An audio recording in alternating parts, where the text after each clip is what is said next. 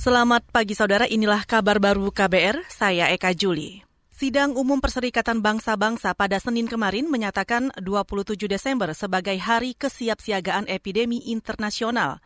Pernyataan itu disampaikan agar di masa depan setiap negara bisa mengambil pelajaran atas krisis COVID-19 yang sudah berjalan hampir satu tahun. Majelis Umum beranggotakan lebih dari 190 orang itu menyepakati pentingnya meningkatkan kesiapsiagaan untuk setiap epidemi yang bisa muncul. Kesepakatan resolusi PBB itu menekankan pentingnya kerjasama internasional dan multilateral dalam penanganan pandemi. Mengutip antara news, virus ini pertama kali muncul di Wuhan, China akhir tahun lalu dan kemudian menyebar hingga saat ini. Saudara masyarakat diajak mengisi libur Natal dan libur akhir tahun dengan berkegiatan di rumah saja.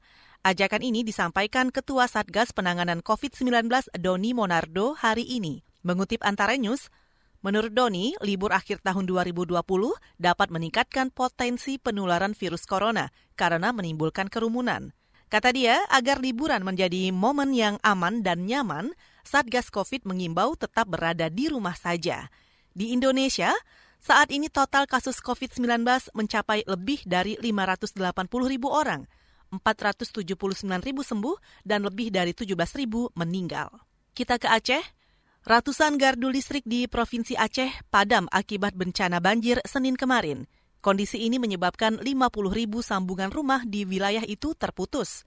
Asisten Manajer Manajemen Stakeholder PT PLN Unit Induk Wilayah Aceh, Muhtar Junet mengatakan belum dapat mengoperasionalkan gardu hubung listrik lantaran banjir masih merendam sebagian rumah warga kantor sukun sendiri sampai dengan sekarang masih terendam.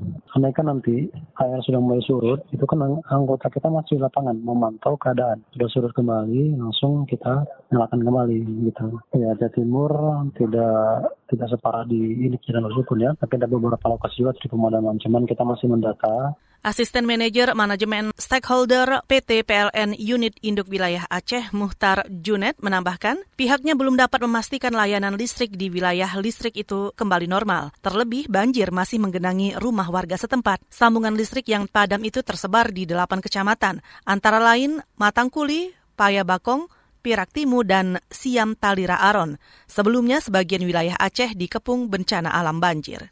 Saudara demikian kabar baru, saya Eka Juli.